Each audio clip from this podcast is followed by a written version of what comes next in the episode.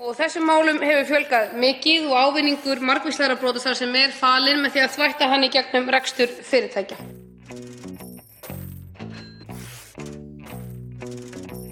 So I think like getting regulatory clarity is huge, and I think it's good for everyone. Peningaþvætti og sektir sérstaklega, það geta stundir verið það lágar að það skiptir ekki máli. Þú ert að hlusta á Kvítþvott, hlaðvarp um peningaþvætti. Ég heiti Sigurður Páll Guðlámsson og er umsjónum aðeins þáttarins. Þessi þáttur er styrtur af Rapid. Söluaðlar velja lausnir Rapid til að einfalda greiðslur og auka sölu. Þessi nýja þáttaröð Kvítþvottar verður með breyttu sniði. Við munum beina sjónum okkar að því sem er að gerast hverju sinni í heimi peningaþvættis og fjárgleipa. Sem fyrir munum við þó ræða við áhugaverða sérfræðinga og freista þess að öðlast dýbri skilning á peningaþvætti.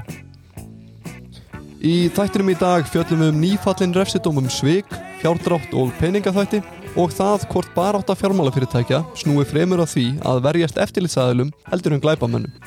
En fyrst þetta. Binance.com is embracing regulations all around the world. There was a very strong need for exchange that wanted to operate everything properly. We welcome uh, anyone to look under the hood for our business. I think we, we, we run a very clean business. Xiangpeng Xiao, stopnandi og fórstjóri Binance, stærstu rafmyndakaupallar heims, viðurkendi í lók november að kaupallin hefði gerð seg um peningaþættisbrot. Í yfirlýsingu frá Xiao á samfélagsmiðlunum X sagði hann Ég viðurkenni að það var ekki auðvelt að sleppa tökunum tilfinningarlega en ég veit að það er hér rétta í stöðunni. Ég gerði mistök og ég verð að axla ábyrð. Þetta er að besta fyrir samfélagið okkar, fyrir Binance og fyrir mig sjálfan. Fyrirtækið samþykti að greiða ríflega fjóra miljardar bandarækjadala til bandarískra yfirvalda. Ljóst er að Binance og fórstjóru þess fóru vísvitandi á sveig við lög um varning gegn peningaþætti og gerðu viðskiptavinnu sínum kleift að senda rafmyndir sín á milli fyrir andvirði miljardar bandarækjadala án fullnægandi eftirlits. Starfsmenn fyrirtækisins voru meðvitaður um brotin en fórstjórun hafði sagt þeim að það væri betra að byggjast fyrirgefningar heldur en að byggja um leifi. Til að varpa frekar að ljósi á þetta mál er komin til minn Kjartan Ragnars, regluvörðu myndkaupa. Kjartan, velkomin. Kæra þakkir, Sigurur. Segð okkur, hvað fór úrskeiðis hjá Binance? Já, um, sko maður, þessar fréttir koma þarna 21. november. Þess efnis að Binance gangist við sekt upp á 4,3 miljardar dólara og að CC, forstjóri Binance sem er búin að vera mjög ábyrrandi og stór karakter í sem rammend heimi, hann stýði til hliðar og gengst við þessum brotum.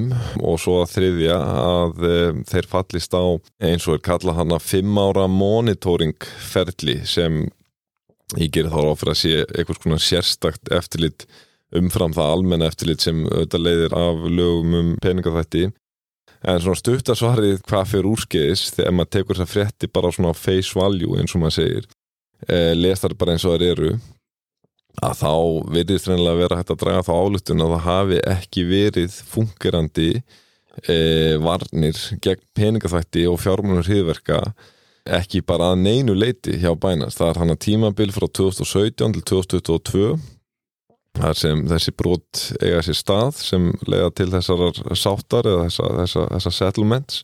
Og það er líka hægt að uh, draga aðra álítanir en að þeir hafi bara hennilega ekki verið að sinna þeim málaflokki neitt sem dæmi það sem mest verið einna mest sláandi í þessu er að á þessu tímbla hafi ekki verið sendt ein einasta tilkynning vegna grunnsanlegra viðskipta og uh, ég verði að viðkjöna sem svona reglurur hjá bara litlu rafmyndafyrirtæki á Íslandi ekki með 100 miljón viðstöfinni eins og bænans að, að mann er ekki alveg, alveg utanum þetta sko.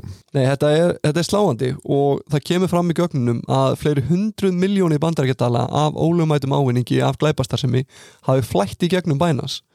En hvaða fleiri brot eru þetta sem bænas gerir sekt um? Já, þetta er eins og ég nefndi á hann ekki, ekki einn einasta tilkynningsend sem er náttúrulega brot þegar þú ert með viðskipti sem eru grunnsanleg þá átt að tilkynna þau.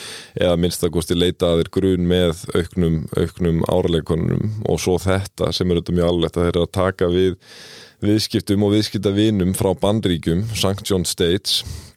Já, maður hefur heyrt að þetta hafi verið flætt meðal hans um 900 miljónir dala á milli bandaríkjan og Íran og bandaríkstjórnund hafi ekki tekið vel í það, svo ekki sem meira sagt. Einmitt, einmitt og svo líka þetta að, að, að það verðist vera sem, sem regluvörun eða, eða hérna regluvarslan hjá þeim eða compliance teimi hafa verið að e, frekar en að vinna sína vinnu með sjálfstæðum hætti að þá hafa þeir verið að einhvern draga e, svona, skulum segja, vafa sama viðstafinn í land með einhverjum svona VIP símtölum og e, það er náttúrulega eitt og sér er e, mjög alvarlegt þannig að þetta eru svona brotin sem eru highlightuð í þessu.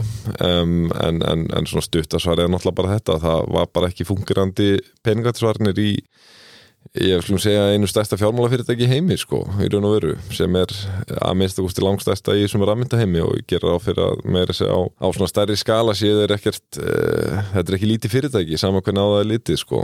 Nei, alls ekki, þetta eru sláandi fréttir og þá vaknar auðvitað spurningin mun svona stór aðgerð gegn leiðandi fyrirtæki í rafmyndaheiminum hafa áhrif á minni fyrirtæki? Verða rafmyndafyrirtæki undir enn meiri smásjá eftirlistjórnvalda núna? Ég held að það sé alls ekkit útilokað. Eh, það verður bara að fá í ljós. Ég reyndar held að sko mín upplifun er svo að með fyrirtæki í þessum sektor uh, sem vilja gera vel um, ég tala nú bara fyrir sjálfa mig og ég held að þetta er við um mjög marga aðra er að maður veit alveg hvernig landslæðið er. Þar að segja það er ákveðnir fordómar skulum við segja eða að minnstakosti svona ákveðin bíja sem að þetta sé sérstaklega hættulegur bransi, hvað var að þetta? Hann sé meira exposed fyrir eh, hættum gegn peningafættu öðru og uh, þannig að viðbrunni eru held ég almennt að svona ábyrgir aðilar þeir gangi lengra oft heldur en, heldur, heldur en þörf er á bara eins og, eins og á almennt við um, um alla regluvörslu hjá ábyrgum fyrirtækjum og ábyrga regluvörslu að þannig að ég er svona þú veist, jújú, jú, ég held að, vera, að það verður bara að fá að koma í ljós en, en, en mín tilfinning er samt svo að, að þetta hafi verið einstæmi hjá þessum stóru aðilum hvernig bænans hefur hagað sér og þeir hafa alltaf lengi verið með þetta orðspor á sér. Og maður lengi vil var ekki alveg viss hvort það væri endilega rétti ekki en, en nú er það svona það er ekki lengur evi um það. Nei, það er nokkuð ljóst eins og eitt starfsmæður í regluvörslu bænans orðað þetta ef þú átt í erfileikum með að þvætta eitthulega peninga kondi til okkar, við erum með kökuhandaðir Það er náttúrulega bara sorglitt að, að heyra það sko. Það er ekki gaman þegar svona stór aðili fer fram með þessum hætti og þetta, auðvitað hefur þetta áhrif á allan, allan, allan að geira og ég held að ég held að ég sé ekki deitnum það, ég held að allir þessir aðilar bara hjá Coinbase og, og hérna öðrum stórum aðilum þetta, þetta er auðvitað hryggjandi fréttir. En hérna en vonandi þá eh, axlaður ábyrð eins og mér sýnist er alltaf að gera bænans og skilja þetta þetta tímabil bara á bakvið sig. Náttúrulega líka bara ég ætla að fá að skjóta inn í sko þegar við skoðum þetta, þetta tímabil sem er að gerast náttúrulega búið að gera þrósa mikið í rammynda heiminum, þetta er orðið miklu stærri, skulum segja yðnaður eða stærri sektor og meira legit svona finance sektor heldur en ef við tökum dæmi 2017 þar sem þetta er bara algjörst eitthvað djadar konsept og miklu meira vilda, vilda vestrið. Og þetta næra náttúrulega til 2021 eða 2022 en uh, þeir verðast að byrja að taka til í sínum ranni 2021 en þá hefur þetta verið orðið það skelvilegt ástand. Og það er mjög erfitt að byrja að eitthvað taka til með 100 miljón manna hérna, 100 miljón vístamanna sko kerfi. Um, en svona já.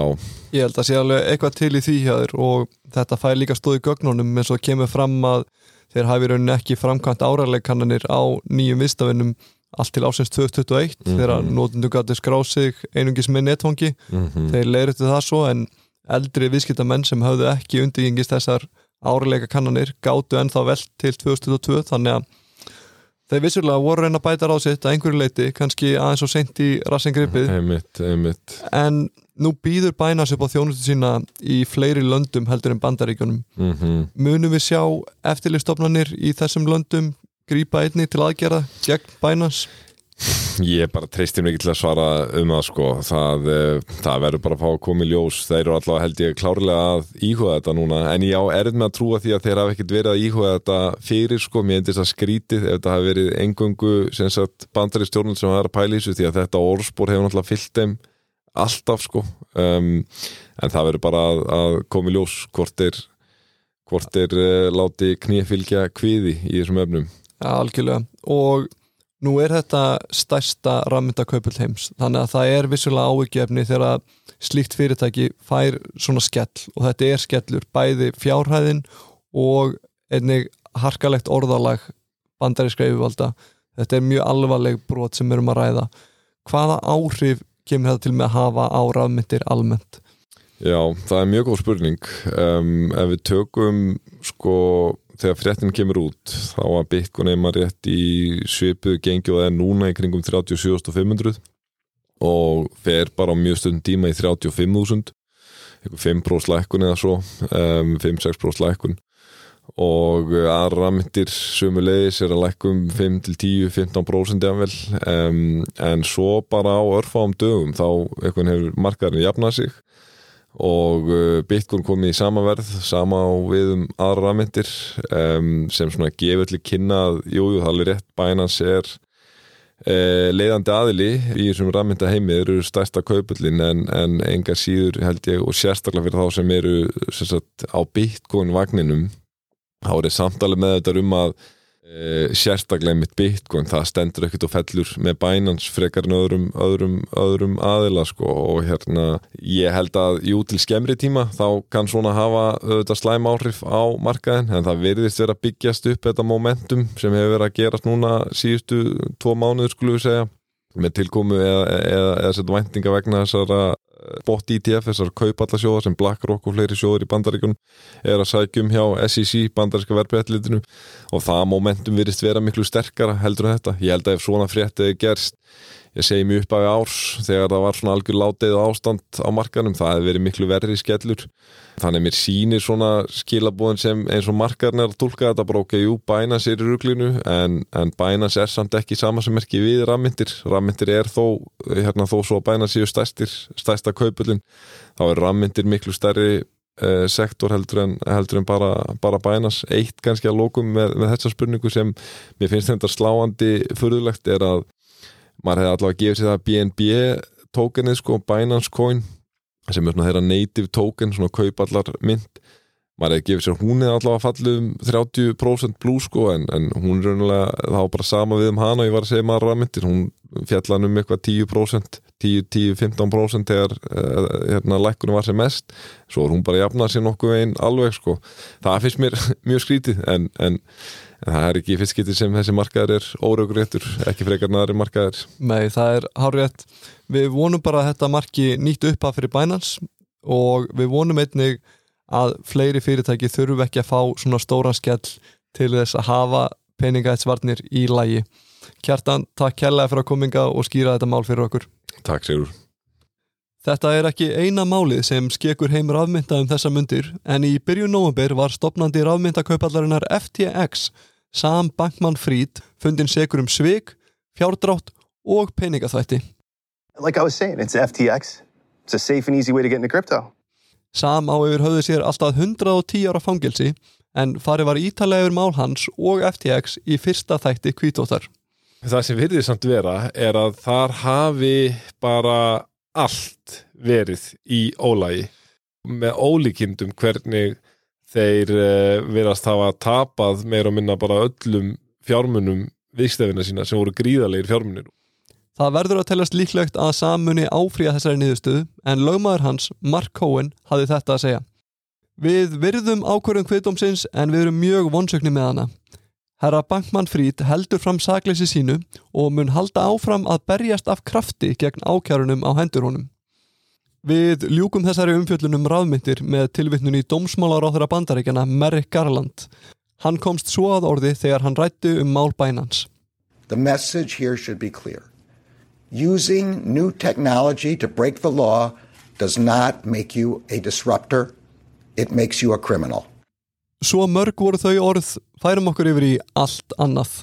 Ultimately, banks are far more focused on, on ticking the boxes and producing the paperwork that demonstrates to a regular that you're following regulator, sorry, that you're following the rules, mm-hmm. rather than actually focusing on doing something about stopping the real flows of money. So it all becomes about avoiding the fine and not stopping the criminal financial flows. Sæðlabanki Íslands hefur verið töluvert í umræðinni síðustu vikur og mánuði og þá einna helst fyrir vaksta ákvarðanir bankans. Vel hefnuður ástefna bankans um aðgeri gegn peningaþætti og fjármögnun hriðiverka sem haldin var í hörpu á dögunum flög ekki jafn hátt. Erindi Graham Barrow, annars stjórnunda hlaðvarpsins The Dark Money Files, vakti sérstaka aðtekli. Graham telur að núverandi aðgerðir í baráttunni gegn peningaþætti skili takmörkuðum árangri og að hugsa þurfu þær upp á nýtt. Graham gaggrindi einni nálgun hins ofinbera en hann telur hætt við því að með henni verði eftirlitsaðilar að óvinnum í augum fjármálafyrirtækja í stað þess að þau sjáu hinn raunverulega óvinn. Glæpamenn sem reyna misnóta þjónustu þeirra til að þvætta peninga. Graham telur líkur á því að fjármálafyrirtæki beini kröftum sínum fyrst og fremst í aðgerði sem hugnast eftirlitinu í stað þess að aðgerðina koma gagni í baráttunni gegn peningaþætti. En því miður fyrir þetta tvent ekki alltaf saman. Við munum fara nánar yfir þetta mál með Graham sjálfum á nýju ári. Að lokum er ekki eftir að sleppa því að ræða fílinn í herberginu. Í byrju november bárust fréttir af því að fjármála eftirlit Sæðlabankans hefði gert aðtúarsemdir við peningahættsvarni bankana hér á landi. Ljóst er að aðtúarsemdir fjármála eftirlitsins eru misalvarlegar en þeir sérfræðingar sem ég hef rætt við telja þetta til marksum aukna hörku í eftirliti hér á landi. Takk fyrir að hlusta, þá gæti næst veriði sæl.